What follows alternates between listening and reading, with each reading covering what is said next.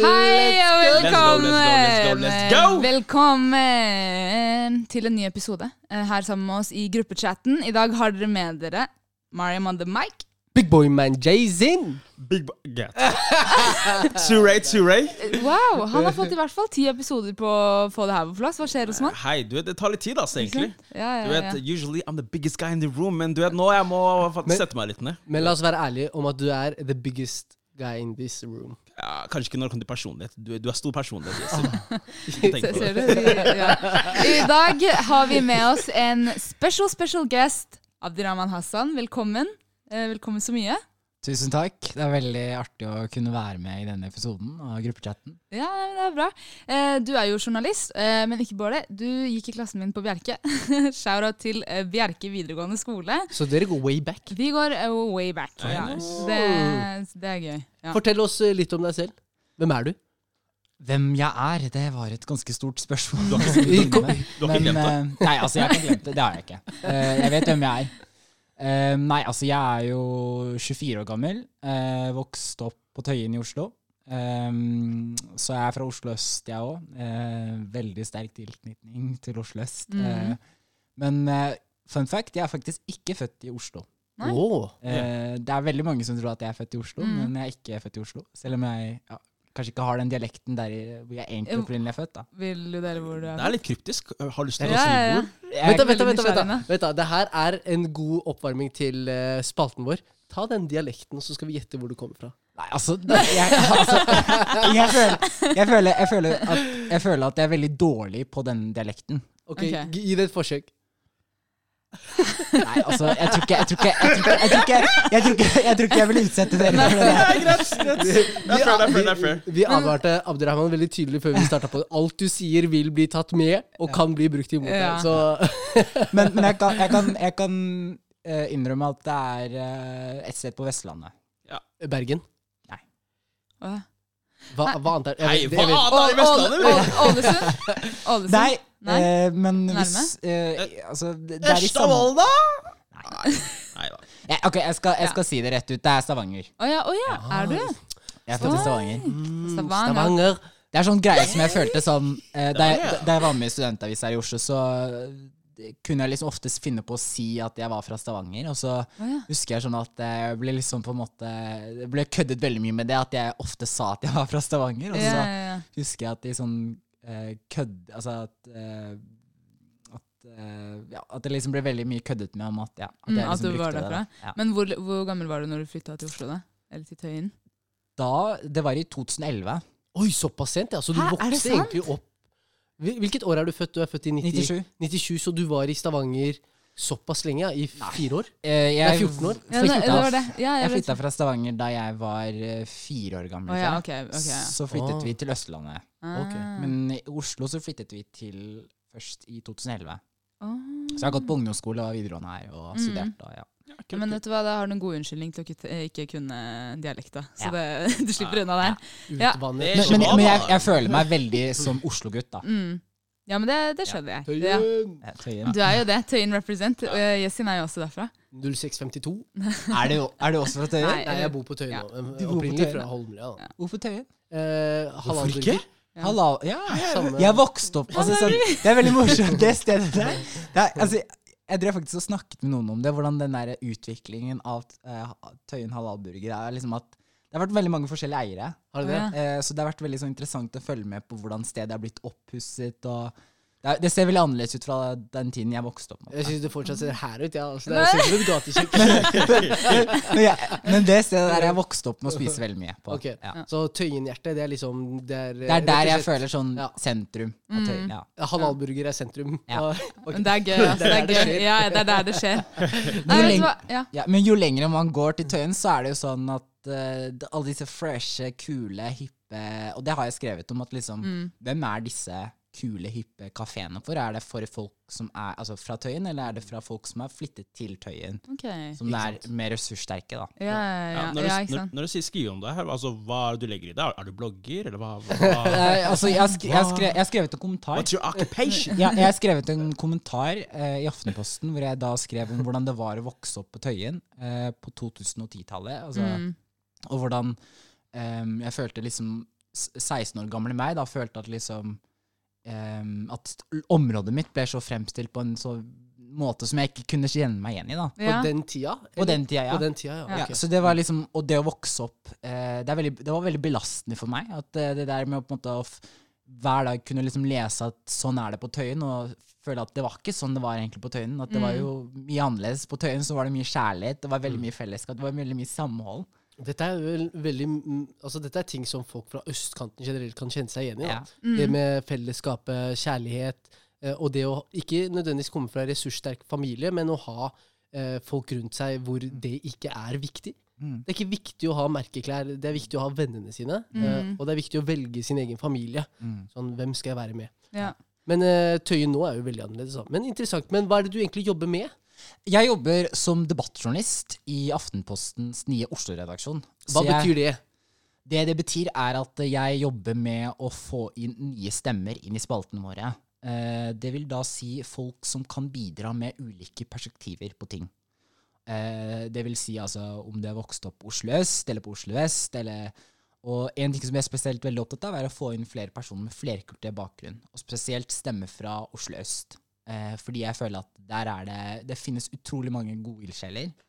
Eh, og det liksom kunne gi dem en plattform da, for å liksom kunne ytre sine meninger om ja, for eksempel hvordan det er å vokse opp på Oslo øst, eller hvordan det er å eh, gå på skole der også. Altså det å kunne gi dem en plattform, da, det er liksom noe jeg er veldig, veldig opptatt av. Fordi da jeg vokste opp, så følte ikke jeg at jeg egentlig hadde noen plattform. Jeg skal gi deg din eh, neste altså, spalteplass. Det er sitat fra gruppechatten fra denne episoden. Sånn. Altså, for, men det er også spørsmål eh, du, altså, Jeg husker jo at vi hadde en gjest her som eh, hadde publisert en eh, kronikk. Omar Tashakuri.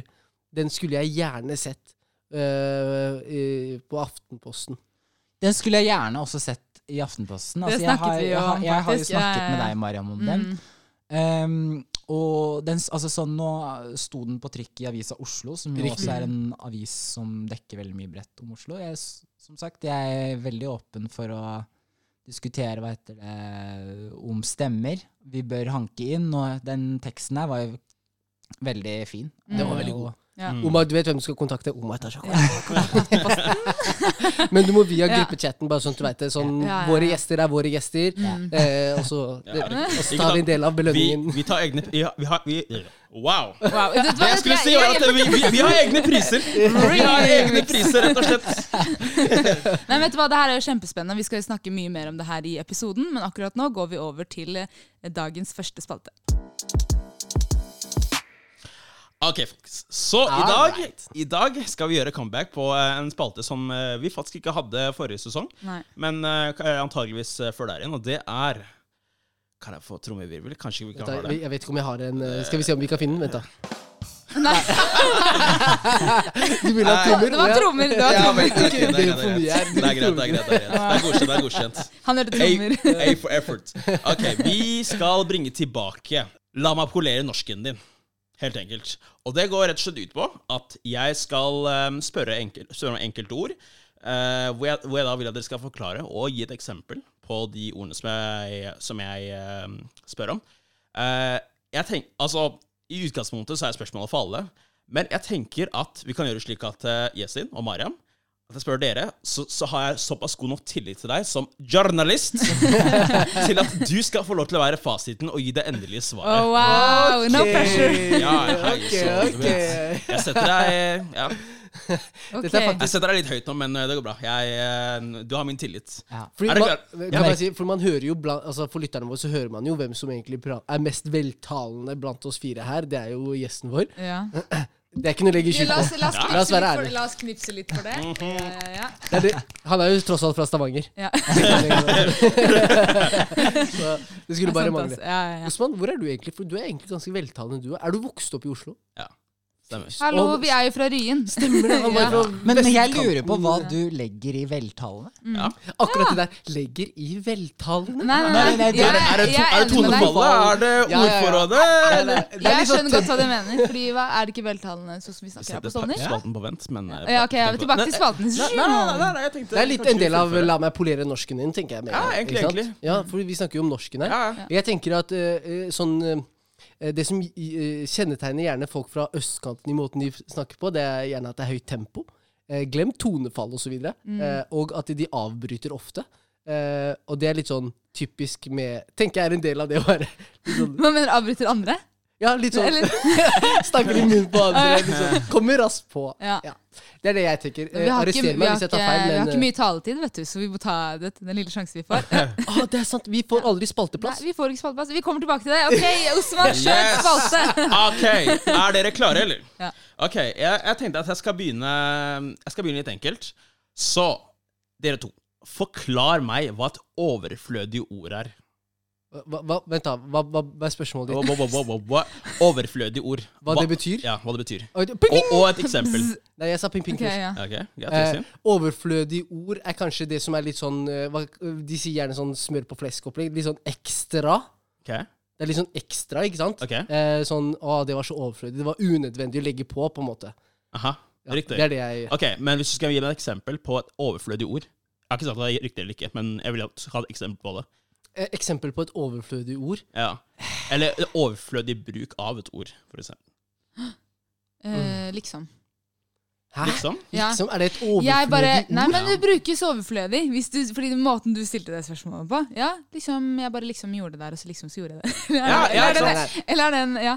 Ja. Jeg, jeg er litt mer på litt andre ting, jeg. Ok. Jeg er litt mer på sånn det var, det, Du trengte ikke å legge, legge på det ekstra. Vet du hva? Eh, Liksom. Ja. Han ga seg fort. Yes, herlig. Nei, men ja, Du skal få poeng for at du eh, svarte riktig, og du skal ha poeng for at du hadde et godt eksempel. Men, men vent, da, vent, da. Vent da, Dommer, dommer, dommer. Vent da, fordi jeg er litt uenig i den Fordi hun bygde på mitt svar med liksom at hun får et helt oh, ja. poeng Nei, for du det. sleit, du så det begynte å du svette sa på var ikke Å sidelinja. ja, ja, vi går for liksom? Ja, men at hun svaret liksom kom fra det jeg svarte først. At hun får et helt poeng for det, det syns jeg er dommer. Nei. Oi. Altså, jeg vil jo si at uh, et overflødig ord er litt sånn smør på flesk. Uh, altså, så jeg Det er riktig, som du sier. Det er jo det. det er jo det. Ja. Uh, Og poengfordelingen her, det tenker du er Poeng Altså, Han jeg føler jeg, jeg, han fikk et lite satt, blikk jeg, på føler jeg, sier her. jeg føler jeg blir satt i en litt sånn utsatt posisjon. Men uh, Du kan ikke ta noe parti fordi du jeg kjenner meg. jeg skal ikke ta noe parti, men jeg skal være nøytral så objektiv som mulig. Ehm, jeg gir deg et poeng. Yes! Oi, Og da pekte jeg faktisk på wow. Yasin her. Bjerkeblodet Nei. Nei. Nei. Yasin. Nei, nei, nei! nei! Bare slutt! Sånn. Vi fikk lydene våre.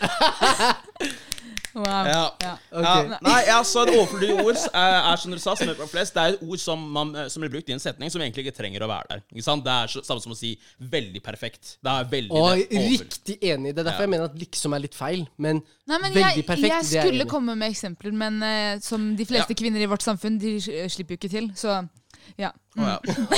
Next.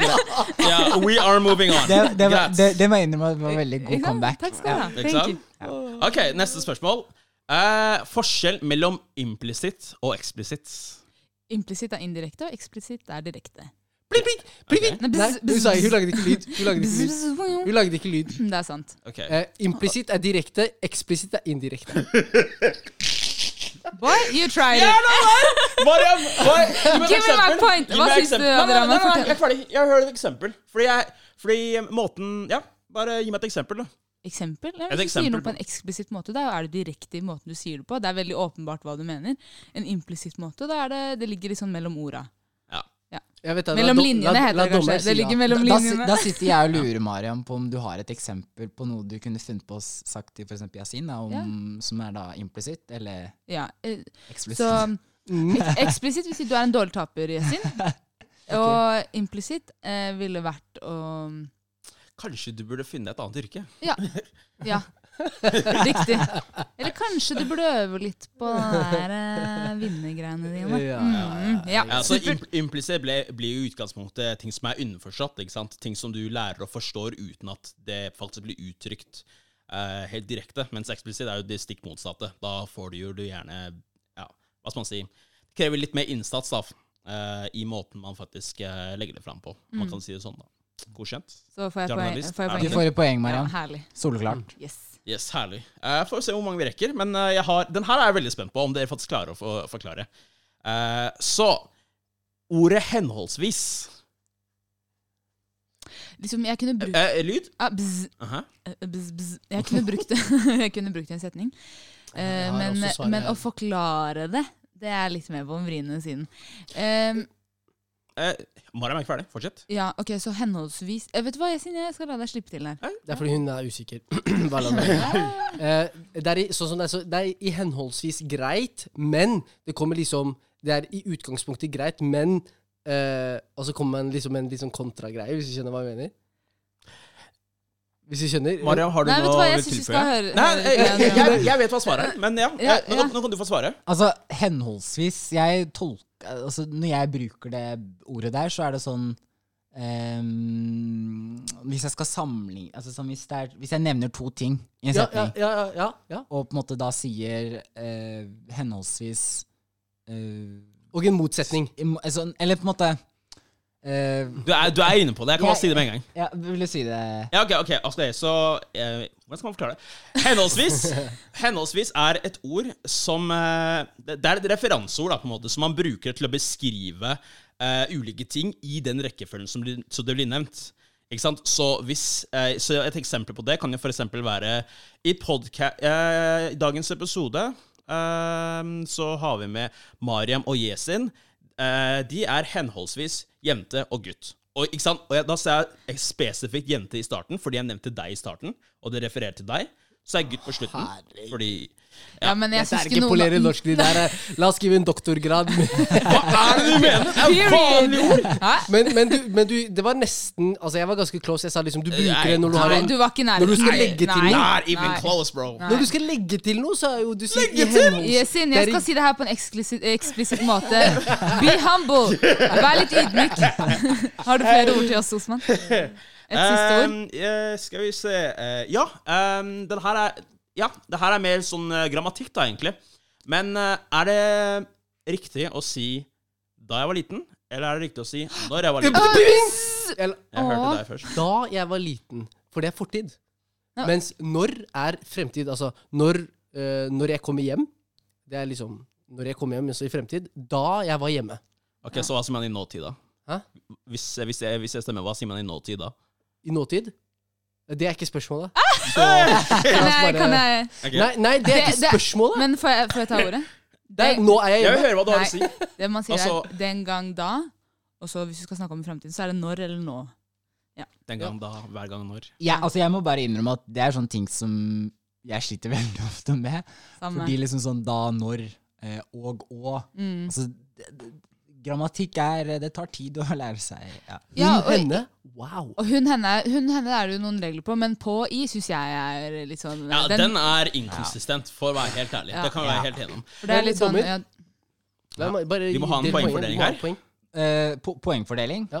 Eh, hvem fikk poeng på siste oppgave der? Uh, Den siste oppgaven, uh, det var Mariam. Ewa.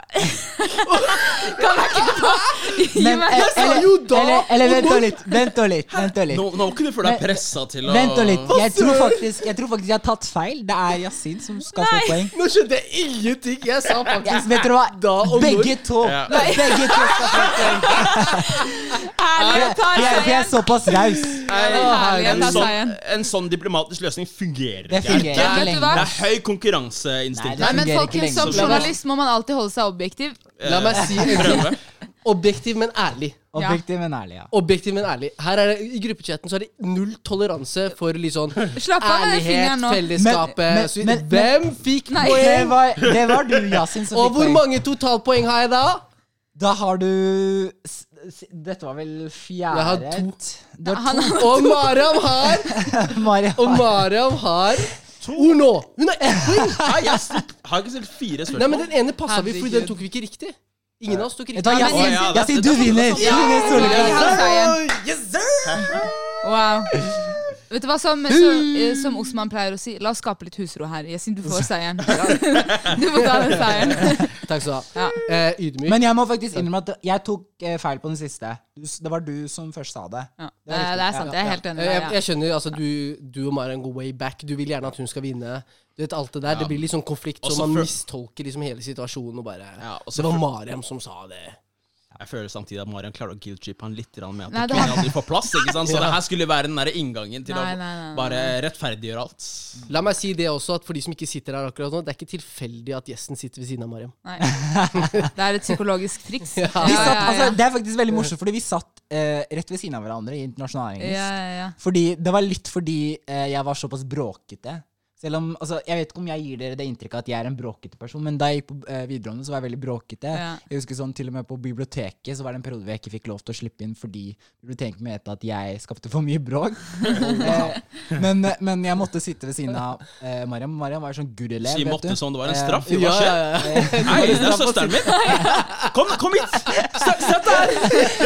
Det var en straff å sitte ved siden av Mariam. Wow, den, den historien her er ikke hørt. Jeg har aldri hørt denne versjonen, Eller- folkens. Jeg vil høre nei, nei, altså, jeg, jeg måtte Altså, greia var at eh, jeg, jeg, jeg, jeg Altså, det var jo litt fordi alle de Altså, gutta og sånt, de satt jo liksom bakerst Ja, eh, i timen. Og jeg eh, fikk jo beskjed om at jeg var bråkete, så da måtte jeg liksom sitte foran. Mm. Og da var det tilfeldigvis ved siden av deg. Ja, ja, Og ja. jeg, altså sånn, det var ikke noe, det var ikke noe dårlig, på en måte. Ja, ja, ja. Nei, det var en blessing. veldig- Det var en Det var, altså, jeg, følte at, jeg følte at hver gang jeg ikke hang med, eller ikke hadde lest noe, så var det Ja. jo liksom Du var oppdatert, og da kunne du Snakker jo samme Maria, eller? Nei, jeg skjønner meg ikke igjen, men jeg tar det imot. Oppdatert who? Nei, Wow. Sterk spiller. Han spiller deg god, Mariam. Vet du hva, du gjør da? Jeg setter pris på Men jeg Vet hva, jeg vil, kanskje vi må invitere deg litt oftere. Eh, Abdurrahman? Abdurrahman er riktig. Om du skal bygge opp imaget til eh, hva heter det, Mariam, ta det i avisa di. Ikke We don't spread lies in this, Ja, ja, ja. lies in this podcast. okay, da, da, da sparer jeg de spaltene. Nei, men det er herlig. Da rapper vi bare over. Og Osman, vil du avslutte spalten med å si noe? Eh, Ah, Jeg tenker det. jeg vil faktisk eh, si at dere har gjort en utmerket jobb i denne spalten her, og håper at dere tar med dere denne lærdommen her hjem, og kan eh, ja, med stolthet si at dere har lært noen, eh, noen fine gloser fra det norske språk. Kan jeg også bare si en ting? Jeg må si at Det var veldig gode spørsmål du hadde i spalten, Osman. Ja, takk. Veldig gode spørsmål. Sterk spiller. yes. Yes. Let's go. Nå kjører jeg ved. Ja, Draman, du er jo debattjournalist. Eh, hva er det som har motivert deg til, eh, til å bli det? Um, det er et veldig godt spørsmål, Mariam. Um, jeg har jo jobbet som journalist i snart fem år. Um, altså Det at jeg ble journalist, er litt sånn litt tilfeldig, men også litt sånn al altså Da jeg eksempel gikk på videregående på Bjerke, så skrev jeg mitt første leserinnlegg uh, i Aftenposten, som også er den avisen jeg jobber i i dag. Ehm, og da skrev jeg en tekst om Chapel Hill. Jeg vet ikke om dere husker den, Hill. om dere husker den I hendelsen. Det var jo en hendelse hvor tre eh, muslimer, altså am amerikanere med muslimsk bakgrunn, ble Mm. drept. Eh, og jeg skrev jo da en tekst hvor jeg da liksom på en måte sa at ja, hvor er, Nor altså, hvor, hvor er mediedekningen om det? da? Hvorfor er ikke det blitt belyst i mediene? Mm. Ehm, så det ballet jo litt på seg, da. Så, altså, jeg har jo skrevet veldig mye kronikker og tekster sjøl opp gjennom årene. Og så har jeg tilfeldigvis havnet som debattjournalist. Men hvordan, hvordan har reisen vært for deg? Har du merket at det har vært Har det vært noen utfordringer på veien fordi du har minoritetsbakgrunn? Altså, jeg um, begynte jo å studere journalistikk. Um, og det var i 2018. Mm. Høsten 2018 jeg begynte å studere journalistikk. Ehm, og jeg skal ikke legge skjul på at liksom det å studere journalistikk, det er liksom um, Det er jo ikke noe veldig mange uh, Det er jo veldig få med flerkulturell bakgrunn som satser seg innenfor det yrket, på en måte. Mm. Um, og det merket jeg at uh, på- i, min, I mitt kull, for eksempel, så var jo jeg den eneste med flerkulturell bakgrunn. Eh, Ja. Og det var jo sånn at liksom em, Den der annerledesheten, da, det har jeg på en måte konstant egentlig kjent på um, opp gjennom hele karrieren min. Altså det å Mm. være studier, det å være jobb. At liksom uh, At jeg på et eller annet måte skiller meg ut, da. Men skiller ut positivt eller negativt sånn Altså på en positiv måte. På- så, Som en sånn eh, som man kaller kulturell kapital? Eller? Kulturell kapital. det er et ord man ofte bruker nå. nå. Ja, altså det, det, er et ord som ofte brukes nå om dagen, men det er litt sånn, altså i mediebransjen så merker jeg at det er veldig fokus på mangfold.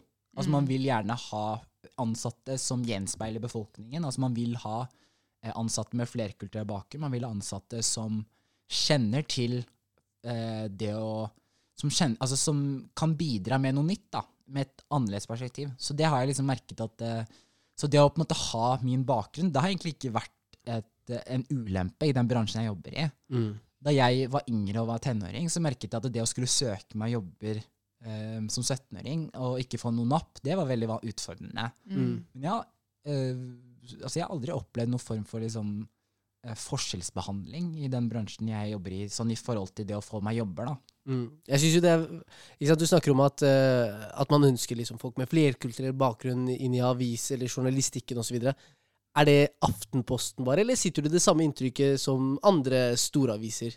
Det er noe hele bransjen er opptatt av. Ok, du mener det? For jeg er litt, eh, jeg er litt uenig. Jeg, eller jeg føler i hvert fall at det ikke stemmer. Jeg vet ikke om Ja, altså, men Har hvorfor det? inntrykk Ja, men, av det? jeg har inntrykk av det. Jeg- Altså, det er mulig at det er det øynene mine legger merke til, men jeg ser ikke flerkulturelt eh, når jeg blar meg gjennom f.eks. en av de store avisene. Da. Du føler at du er nødt til å lete etter en flerkulturell Ja. representasjon? Og at, Altså, de på, de, at de ikke på en måte bare er der sånn At du ikke trenger å lete etter det? At det Ja. bare er rett foran deg? på en måte det er rett og slett enten så må noen poste det på Facebook, sånn 'Les her, nå har eh, denne personen skrevet noe spennende', eller så, eller så er det tilfeldig at jeg plutselig kommer bort, bort Altså uh, får sett det, da. Men det er sjeldent at jeg ser at dette er på forsida eller, eh, eller en av de store eh, det, det, du føler, altså det du tenker, er at journalistikken, at eh, de som da blir skrevet saker om, at du føler ikke at det er representativt nok? Det er ikke ne, ja, ja, i hvert fall når vi snakker om det med kulturell, eh, kulturelt og det å komme fra østkanten også, som er en viktig del av hva jeg mener, i hvert fall no, både med politikken og samfunnssituasjonen osv., så, videre, så snakker man veldig mye Altså, når hører man om situasjoner fra f.eks. østkanten? Ikke? Hvorfor, hvorfor hører man sjelden om de positive tingene uh, enn de negative, da? Det er gjerne sånn at Holmlia får forsideplass så fort det er noen som har skutt Eller det er noen som tror at fyrverkeri er liksom noen som har skutt med våpen. Det er liksom da vi får overskriftene. Altså, da skjønner jeg ikke hvorfor, uh, hvorfor man sier at man satser på journalister med flerkulturell bakgrunn. Altså, Hva skal det komme godt med, da? Jeg tenker at uh, en viktig del av det handler jo om å nyansere, da. Eh, altså det å på en måte Jeg har jo sjøl vokst opp på Oslo øst, og har sjøl kjent på den frustrasjonen som du sitter på med, Yasin. At liksom at journalist Altså at eh, media plutselig Altså at det blir store overskrifter jo, jo fort det er et, eh, et drap eller et eh, knivstikking på Tøyen eller et eller annet. Eh, og det har jeg også på en måte skrevet om, at det har påvirket meg på mange måter. I den forstand at eh, 16 år gamle meg eh, syntes jo ikke alltid at det var kult å skulle si til folk at jeg kom fra Tøyen. Fordi jeg følte at veldig mange hadde negative assosiasjoner til Tøyen. Eh, mens i voksen alder og liksom senere så har jeg skjønt at eh, at eh, det, det bildet som på en måte ble skapt om Tøyen, da, at det ikke alltid var noe jeg kunne kjenne meg igjen i, men også noe som da jeg var yngre, altså yngre ikke kunne kjenne meg igjen i. At, eh, og det er liksom en frustrasjon som veldig mange sitter med. at uh, hvorfor, altså hvorfor får man, altså hvorfor hører man ikke mer om de ildsjelene, de som, altså, de som da representerer fellesskap, samhold, kjærlighet. Altså, og det er liksom det, altså, Den frustrasjonen deler jeg. Men, Men, eh, ja. føler, Ja. føler du at det er eh, Altså, man kan jo på en måte spekulere i hva som er årsaken her, og jeg, altså eh, jeg, jeg er i hvert fall en person som liker å gi folk the benefit of the doubt, og tenke at de på en måte ikke nødvendigvis er bare for, er fordi man spesifikt ikke vil, men at det er andre motivasjoner til det. Og da, tenk, da prøver jeg å peke en pinne i forhold til på en måte, de økonomiske insentivene. ikke sant? Altså det her med det som gir mest klikk. ikke sant? Det som på en måte er mest interessant for folk. For det er jo det er utgangspunktet det aviser og sånn tjener penger på. ikke sant? Mest klikk og sånne ting. Nei, altså- Føler du at det er en del av eh, tingen her? Altså, Nei, altså det, det, kan, det, det kjenner jeg meg ikke igjen i, egentlig. Okay. Altså I den forstand at eh, hvert fall Jeg kan jo snakke på vegne av det, altså min jobb, da. altså sånn at clickbait er faktisk ikke Altså det er et ord som på en måte Altså som på en måte det, det blir negativt ladet, det, i den forstand at det altså klikk og økonomi, og at, liksom at, eh, at det skal generere penger og så videre. Altså, det, det er ikke noe jeg egentlig på en måte at Vi som journalister sk skriver ikke saker fordi det skal utløse klikk. på en måte. Det er jo ikke det som på en måte er vår hensikt. Det, det vi skal gjøre, er at vi skal dekke saker som er av relevans, som er av offentlighetens interesse. Og når det på en måte skjer f.eks. et drap, så er jo det absolutt av offentlighetens eh, interesse, fordi det er noe som påvirker oss alle. Mm. Måte, I den forstand at eh, Nei, jeg, jeg forstår godt hva du mener. Eh, men det jeg lurer på er, for eksempel, la oss si i saker der det har skjedd et drap, ikke sant? så tror jeg veldig mange kan kjenne på at eh, skylden ofte skal ligge på religion, eller eh, hvor, altså, hvor det har skjedd, eller sånn geografisk område. Og ofte bare når det gjelder østkanten. At der skal det eh, være veldig mange detaljer som på en måte kommer på bordet. Mens hvis det er noe som skjer på vestkanten, så er det ofte veldig anonymisert, veldig sånn eh, skjerma. Mm. Eh, jeg tror mange kan tenke at det er pga. clickbait, fordi det selger, og fordi det er det som, det er det Det er det som er av interesse Ja, folk. Det er det som er spennende, fordi Ja. det også bekrefter veldig mange stereotyper folk har. Så det er sånn åh, enda en sånn greie på Stovner. Ja, men herregud, der har vi det, ikke sant? Er det sånn at Altså, er det en, en sånn måte man ønsker å, eller velger bevisst å skrive på fordi man tenker at det genererer klikk? Nei, altså det, det, det, det mener jeg ikke. Eh, I den forstand at eh, når vi skriver saker, så skriver ikke vi fordi det skal på en måte eh, utløse masse kliks. Og i, i Aftenposten så er jo ikke vi på en måte opptatt av sidevisninger, altså den, i den forstand at eh, hvor mange som leser en artikkel, f.eks. Mm. Um, men, men, men det er jo interessant å høre det inntrykket som Fordi du sier at det er noe som veldig mange sitter igjen med. Eller Ja, jeg har, jeg har inntrykk av det. Ja. Jeg har det. Nå, nå, nå er det ikke sånn at vi tre som sitter her, representerer alle som vi oss. gjør ikke det. Og, og så er det heller ikke Ja. sånn at du skal svare for, eh, for de du jobber for, Ja, eller hele hele journalistikkbransjen ja. osv. Mm. Det, men det er bare litt av den frustrasjonen vi sitter med, som kanskje du For du har jo skrevet om veldig mange interessante ting òg. Sånn, vi gikk gjennom litt i stad, og du har snakket om, skrevet om drap, og, og det å komme fra ulike områder, og, og litt sånn det vi skulle ønske også fikk mer plass i avisen. Og da, da er det liksom kanskje du Kanskje vi søker litt sånn forståelse fra noen som også er på Eller også kanskje bekreftelser fra noen som er i den bransjen.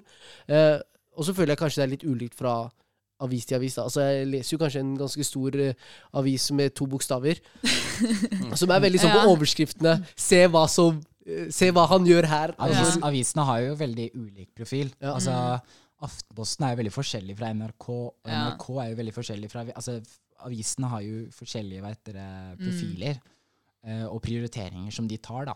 Ja. kunne du jobbet i f.eks. Uh, VG? Jeg har allerede jobbet i VG. Oh, ja. Har du vært en sånn VG-journalist? Jeg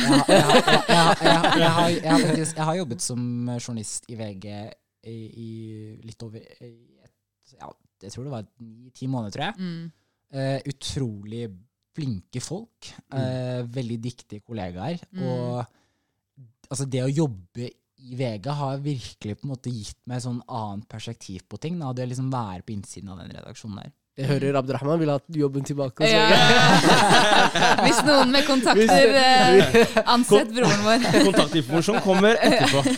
Men jeg har et spørsmål, faktisk. Fordi en, en ting jeg lurer på, er sånn Som minoritet så har man gjerne egne kampsaker eller ting man liksom må kjempe for bare fordi man er en minoritet. ikke sant?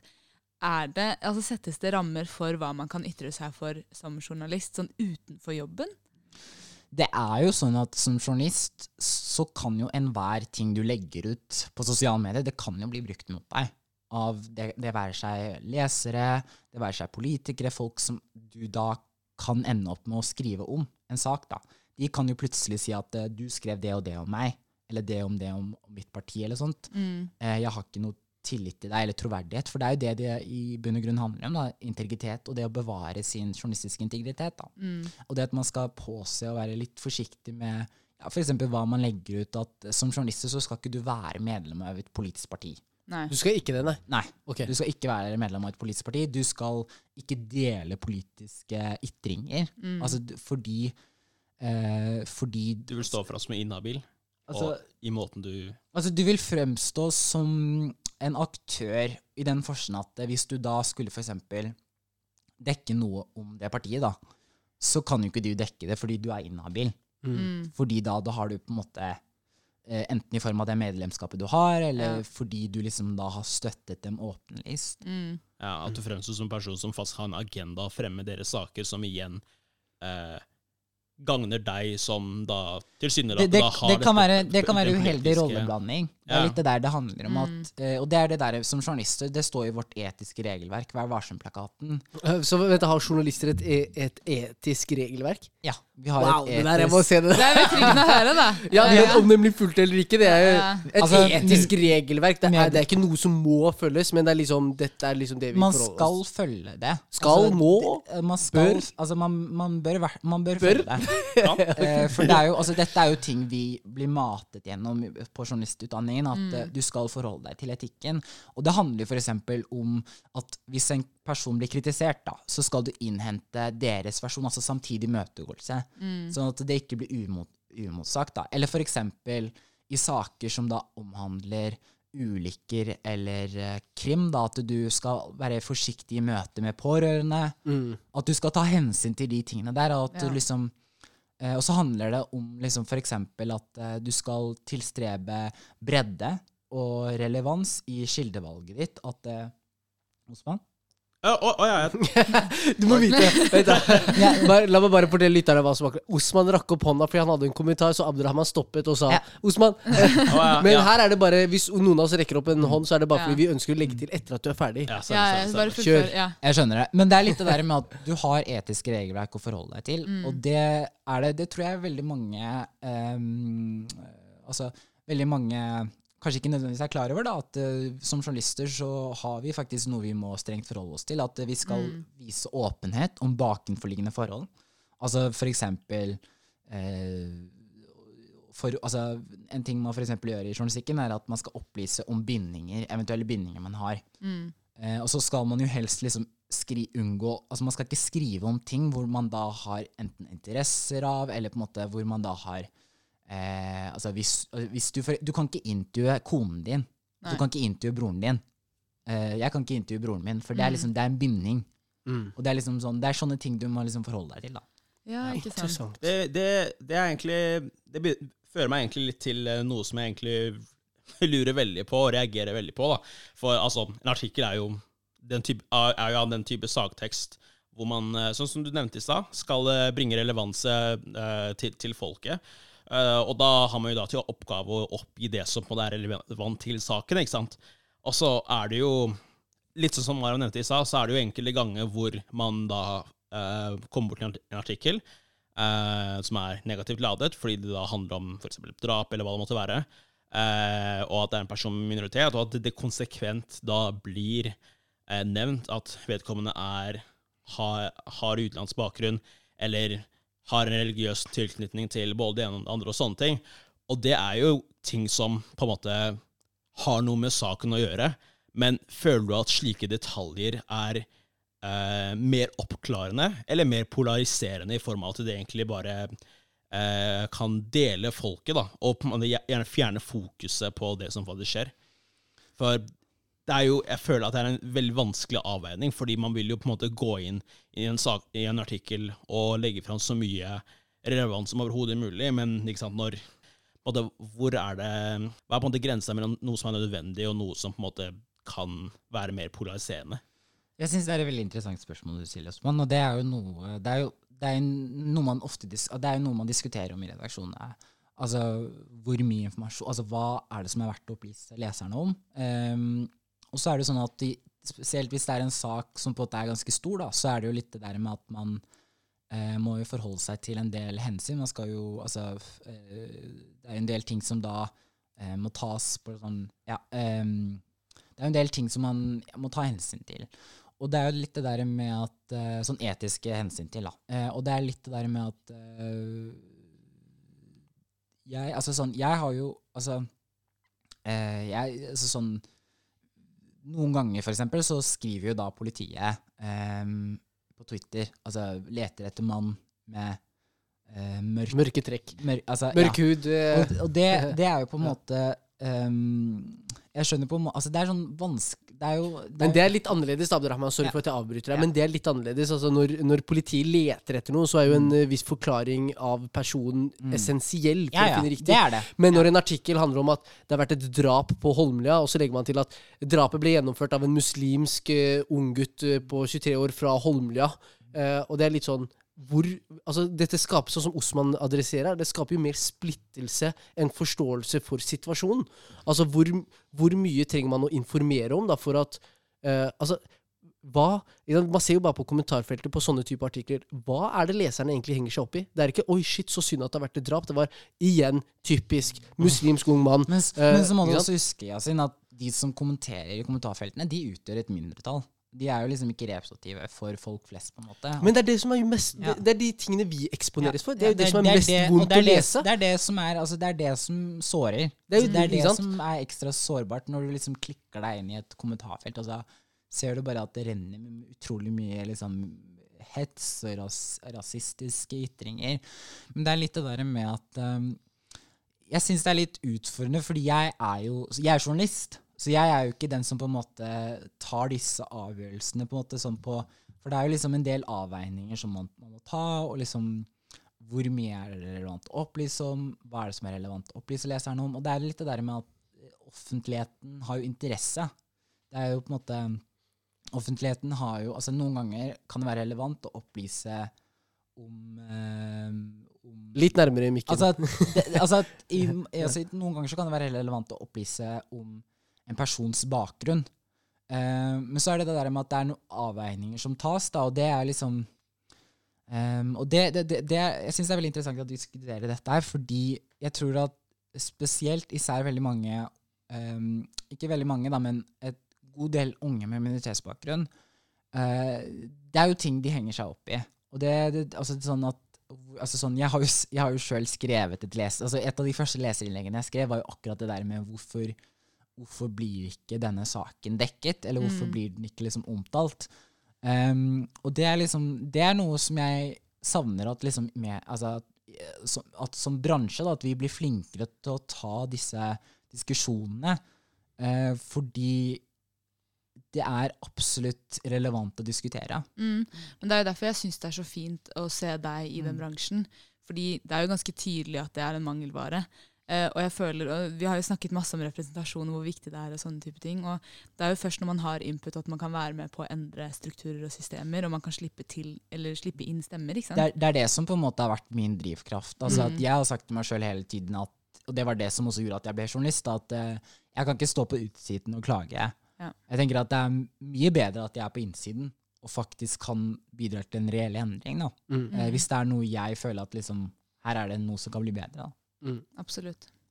Ja, ikke sant. Og, og det er jo sånn at hvis for eksempel, hvis det er folk der ute som har ja, leserinnlegg eller noe de har lyst til å skrive om som de brenner veldig mye for, så kan de kontakte deg, ikke sant? Ja. Og, og Jeg er jo på en måte den som jeg, Altså, min jobb går jo ut på å finne nye og interessante stemmer. um, som ikke nødvendigvis på en måte um, selv på en måte sender inn ting på egen hånd, men som trenger det der ekstra pushet. da. Jeg driver utrolig mye med på en måte å oppfordre folk og motivere folk til å skrive. Fordi jeg opplever at veldig mange har utrolig mye på hjertet sitt. Men så er det det der med å få hjelp til å formulere det, få det på Mm. et ark, og liksom og hjelpe dem. Da. Det er jo der jeg på en måte kommer inn. at jeg skal gjøre den prosessen litt enklere. Dere snakker med CEO av Aftenposten her. Er. Han er inngangen inn til eh, spalteplass dere. Så hvis dere har noe på hjertet, eh, strekk ut til Abdurrahman, så skal han eh, få litt fart i dere. Og det er akkurat som du sier. Ikke sant? Jeg tror faktisk på at de som skriver best, er de som sitter med mest. Og har gjennomgått mest, og kanskje er veldig eh, Jeg mener jo også at de med mest følelse skriver kanskje best, ikke sant? Altså, jeg tenker at det er jo en utrolig styrke når du skriver om noe som er selvopplevd. Mm. Som noe som du hvor, Altså, du, du kan skrive om eh, Du kan skrive politisk i den forstand at du f.eks. etterlyser fritidsklubber. Men det er noe helt annet når du sjøl har vokst opp og sett på den mangelen på fritidsklubb. og den der, Mm. altså det, det, det, det er en sånn form for eh, styrke, mener jeg, da. mm. Enig. Men jeg vil bare ta oss litt tilbake. Fordi det er en, ikke sant, eh, Vi kom, snakket om kommentarfeltet på leserinnleggene. og Jeg henger meg jo litt grann i det, dessverre. Sorry. Eh, men det er jo fordi det er der jeg ser resultatet av hva som blir publisert. Jeg ser ikke resultatet av en artikkel som er uten kommentarer. eh, fordi jeg vet ikke hvordan folk leser den. Men når jeg får sett kommentarene på, så blir det sånn det er det folk henger seg opp i. Det er det folk tenker om denne artikkelen. Og da får man liksom et innblikk i hvordan folk leser den ulikt fra deg. da. Og så kan man jo også snakke om at man har kanskje merket at uh, uh, ja, at ting har endret seg de siste årene, at det har blitt, vært mye mer hets, det har vært mye mer rasisme. Ikke sant? Man kan diskutere om det faktisk har vært det eller ikke. Og så er det også en annen ting, da, bare sånn at jeg, bare sånn at jeg fikk sagt det. Men en annen ting er også, som jeg ønsker å høre litt hva du tenker, er ytringsfriheten. Ytringsfriheten eh, har, liksom, har vi diskutert masse i, i samfunnet i det siste, fordi folk ytrer seg. Og noen ganger så går det litt over det jeg mener er noens grenser. Men så, eh, eh, altså, så sier man at dette er i ytringsfrihetens navn. Dette er lov og rett til å gjøre. For eksempel det med Sian. Disse får for eksempel medieplass. Eh, og det er jo spørsmål, ikke sant Hvor er liksom journalisten også? ikke sant? Det med ytringsfrihet, hvor, hvor langt får man lov til å gå i ytringsfrihetens navn? Altså, dette er, er jo en veldig interessant eh, spørsmål. Um, det er det der med at um, Altså, jeg, jeg føler jo på en måte at uh, altså, For her er det jo også det der med et etikken, hvis jeg skal blande inn det etiske. Hvis uh, noen da f.eks. skulle skrive um, et innlegg om Sian, f.eks., eh, så utløser jo det da det som vi kaller for tilsvarsrett. Da har jo Hva betyr det? Tilsvarsrett vil si at du har da rett til å svare på det innlegget. Altså hvis, altså hvis for eksempel da Sian blir eh, Hvis Sian da blir kritisert i et innlegg Mm. av en person, så har jo de da rett til å på en måte imøtegå det som da blir skrevet om dem. Mm.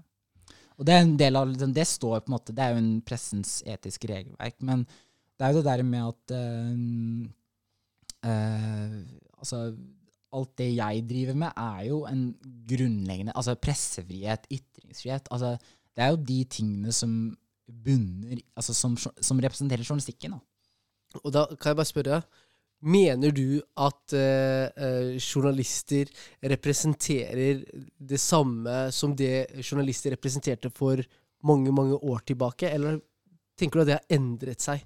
Altså, det er veldig interessant at du spør om det, Yasin, fordi da en av mine veiledere på Journalisthøgskolen, en veldig fantastisk um kvinne, Elisabeth Eide Mm. Jeg hadde henne som veileder på bacheloroppgaven min. Da skrev jeg om um, KrF og mediedekningen av KrFs retningsvalg.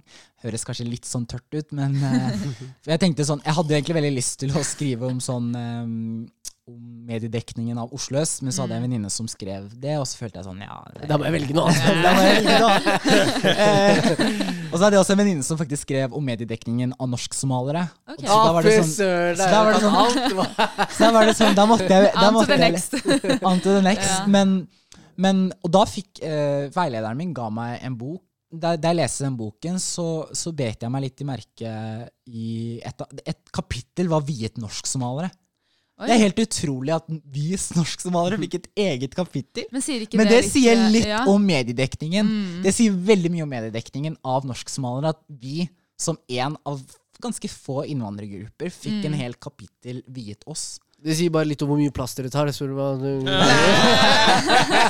Nei, men altså, Jeg men det, det er litt, det er litt det der med at mediedekningen av somalere eh, før i tiden, for 10-15 år siden, utrolig unyansert. I den forstand at eh, somalere som gruppe Altså, man ser på innvandrere som en homogen gruppe. Man ser ikke på dem som mange forskjellige individer. Ja, interessant. Dette er jo noe som i medievers i forskningen kaller man jo som annengjøring.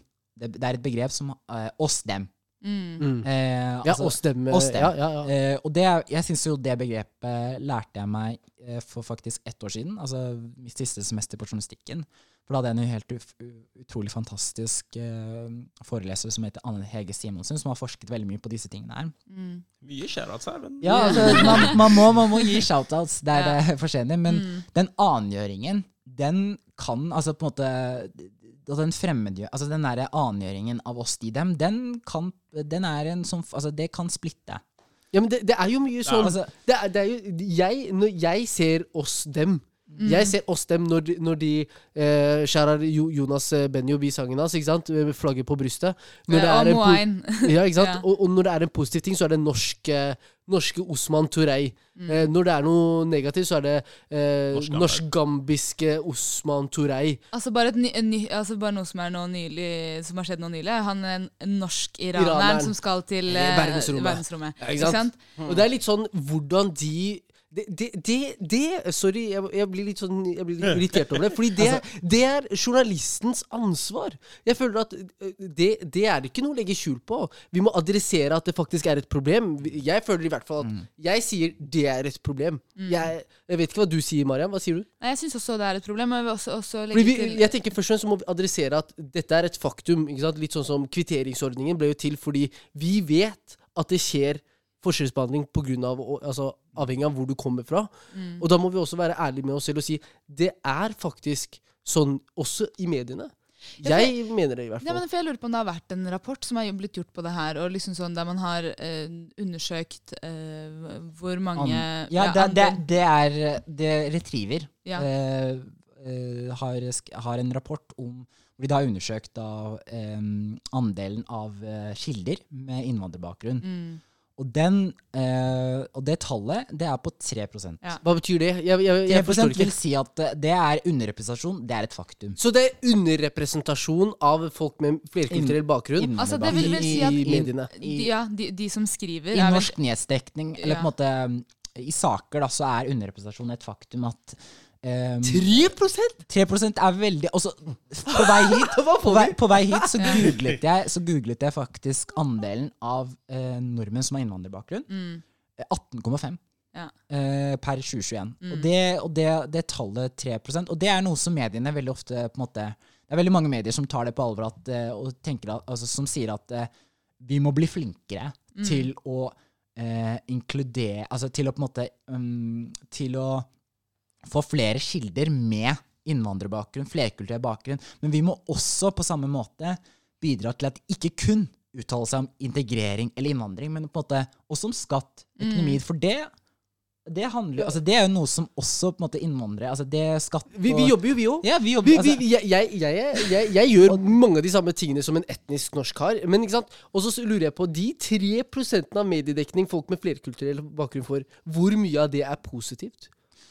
Nei, nei, nei, nå har du misforstått. Det er ikke 3% mediedekning. Det er 3 som, er, har, som har flerkulturell bakgrunn, som skriver eller oppgir eller kommer med et eller annet av Ah. informasjon. Ja, er Men den samme rapporten Ja, men den samme rapporten viser også og Nå har jeg ikke noe prosent, eller noe sånt, men at eh, eh, vi blir skrevet om i mye større grad enn vi skriver selv. Og det Så vi blir betyr snakket om enn å snakke selv. Riktig. Og det betyr at vi styrer ikke vårt eget narrativ. Andre folk gjør det. Nei, men det er, og det er derfor jeg syns det er så bra at Og du det- jobber som journalist. Men, men det er akkurat det der med Altså, jeg har jo sjøl altså, Jeg husker for noen år tilbake så um, erget jeg meg over Jeg tror det var en Dagsnytt Hva betyr å 18.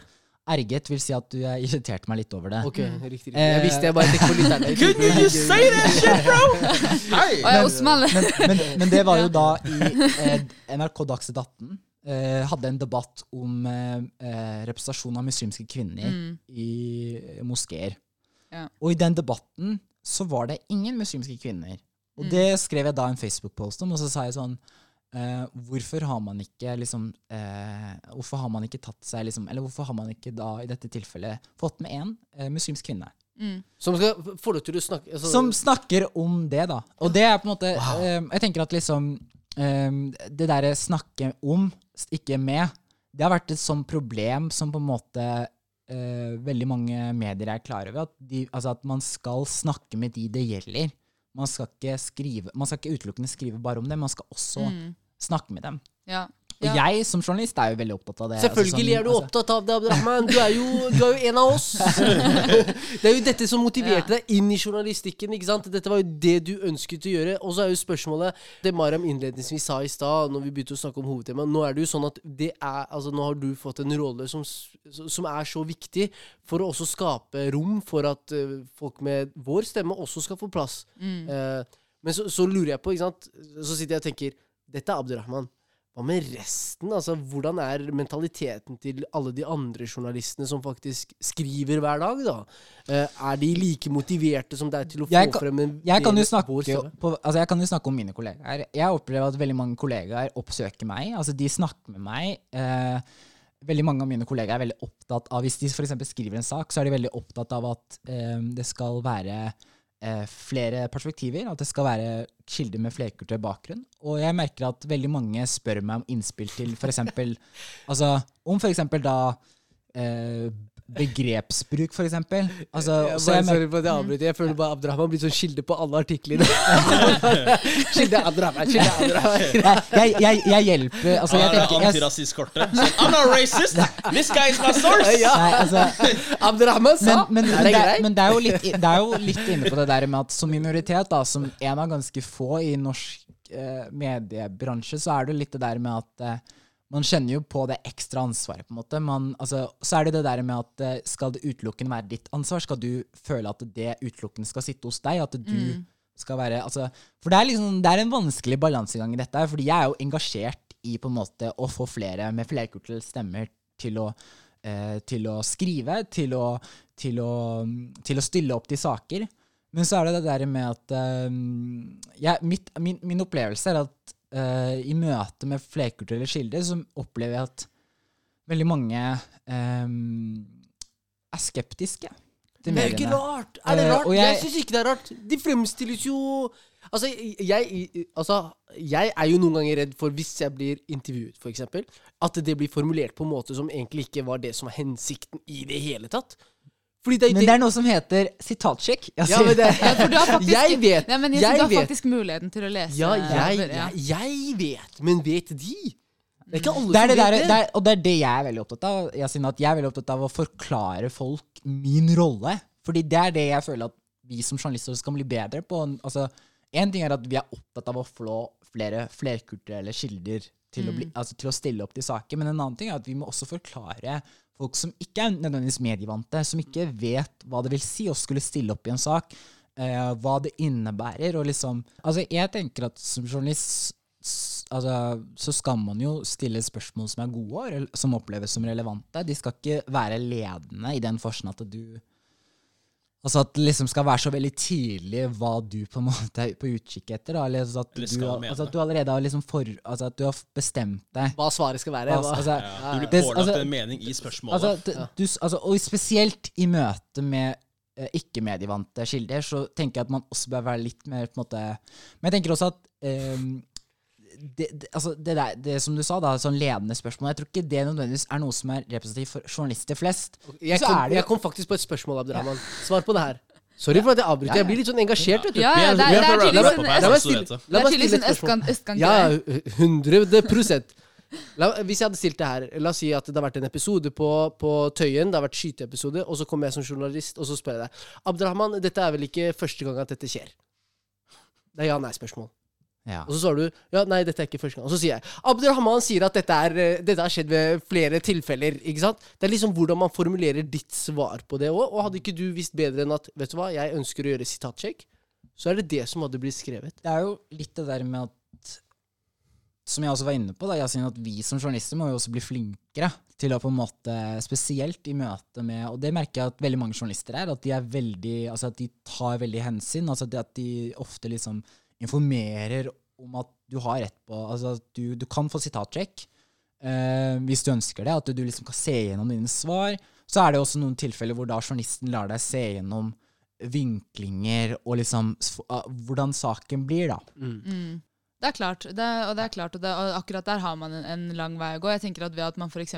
har sånne rapporter eh, der man eh, evaluerer det her og ser på faktaene, ikke sant? Så da har man liksom noe målretta, og man veit hva man kan jobbe etter for å fikse opp i disse systemene som det er masse, eller mange hull i. Da.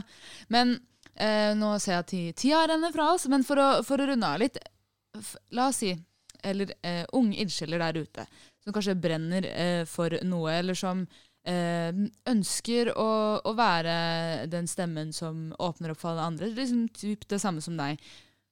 Hva anbefaler du eh, dem? Jeg vil anbefale dem å bli journalister.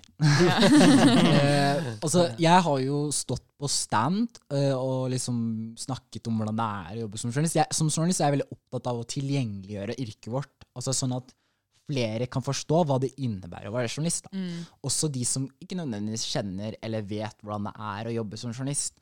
Um, jeg, for, for meg så tenker jeg at uh, mitt best, uh, mitt viktigste råd er jo Hvis du har noe på hjertet ditt, ikke sitt bare inne med det. Altså, Det jeg vil anbefale deg, er å kontakte f.eks. meg eller en annen debattjournalist eller andre aviser. da, og eh, Du kan f.eks. skrive en liten kort setning om hva du da tenker, og, eller hva du har på hjertet ditt, og så kan man ta det derifra, da. Eh, og liksom øh, og ta de der rundene og liksom ja, gi tilbakemeldinger på ting og Altså, jeg tenker at din stemme er viktig. Jeg tror det er det veldig mange Og det i møte med en del flerkulturelle skiller, så opplever jeg at mange undervurderer seg sjøl. Ja, Mm. At de sier at Altså, hvorfor Altså, hvorfor, altså, hvorfor betyr Altså, eh, at de kan finne på altså, sånn Jeg har hatt tilbakemeldinger fra folk som har sagt sånn Men det er jo egentlig ingen som bryr seg om meg. Altså, det er ingen som bryr seg om hva jeg har å si. Jo, det er noen som bryr seg. Altså, hvis du ikke bidrar med, di, med ditt perspektiv i samfunnsdebatten, hvem er det som da skal bidra med det? Mm. Enig. Og da er bare spørsmål Hva om, de, hva om man skriver litt dårlig? Det tenker jeg ikke skal være en hindring. Altså Det er liksom språk og sånne ting. Vi, vas, altså, vi språkvasker, vi redierer. Uh, vi bru, altså, jeg bruker veldig mye tid på å hjelpe folk med å skrive. Altså Det der med at Det tenker jeg, det skal ikke være liksom en hindring for at du skal føle at uh, veien til å sende inn noe At du føler at 'å, jeg har skrevet på litt sånn dårlig måte'. Det tenker jeg Du skal bare legge fra deg den tanken. Bare send det inn.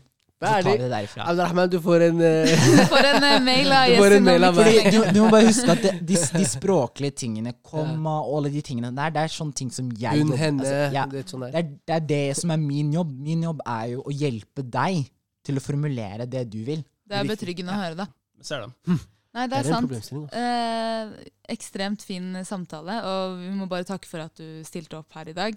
Eh, og vi vil gjerne oppfordre dere lyttere. Ta, altså, har dere noe dere sitter med, eh, send det til Abdirahman. Hvor kan man eh, nå deg? Du kan nå meg Jeg har den enkle e-posten. Det er abdi, alfakrøll, aftenposten.no. Wow. Du, du sikra deg den? Eneste Abdi. Men bare si de Sorry for at jeg har sånn spydd ut her masse sånn eh, Jeg kommer med mye, mye tyngde. Du er, altså, jeg, jeg, du er engasjert, Yasin, og det er jeg, veldig viktig. Ja, jeg er det. Og, og sikkert på bakgrunnen på, på, på grunn av bakgrunnen min og hvor jeg kommer fra, liksom lest mye. Men eh, takk. Det har vært sykt spennende å ha deg her. Jeg har lært masse. Mm. Og hvis, no, hvis jeg hører noe eller leser noen dårlige artikler, så skal jeg bare referere til det journalistiske e e etikk, Etiske etiske regelverket, ja, ja. og si eh, eh, tagge Abdi. Eh, Eller, altså, altså, altså, vi har jo noe som også heter PFU, altså Prestens faglige utvalg, hvor man kan sende inn klager. Altså Hvis man for eksempel også, altså, Hvis du mener et medie har um, altså hvis, det er, hvis du da bruker Vær varsom-plakaten som utgangspunkt Hvis du mener at et medie har gjort noe feil i henhold til Vær varsom-plakaten, så kan du klage dem inn til PFU. Og da er behandlingen fint sånn 60 dager eller noe sånt nå? Behandlingen varierer. Eh, Behandlingstiden varierer. Ja, men eh, folkens, eh, som eh, jeg tror kanskje vi kan oppsummere denne samtalen med at spis eller bli spist. Skriv eller bli, eller bli skrevet om. Takk skal du ha. Ja. Det var veldig godt oppsummert. Ja. Det var dritbra. Ja, så folkens, ta frem pennen og begynn å skrive og send det til Abderrahman. Og så. Ser vi dere på Aftenposten forhåpentligvis om ikke så lenge. Ja. Eh, vi ses til en neste episode, og dere ser oss på at gruppechatten på Instagram. Adios, bandidos! Bye! Ha det.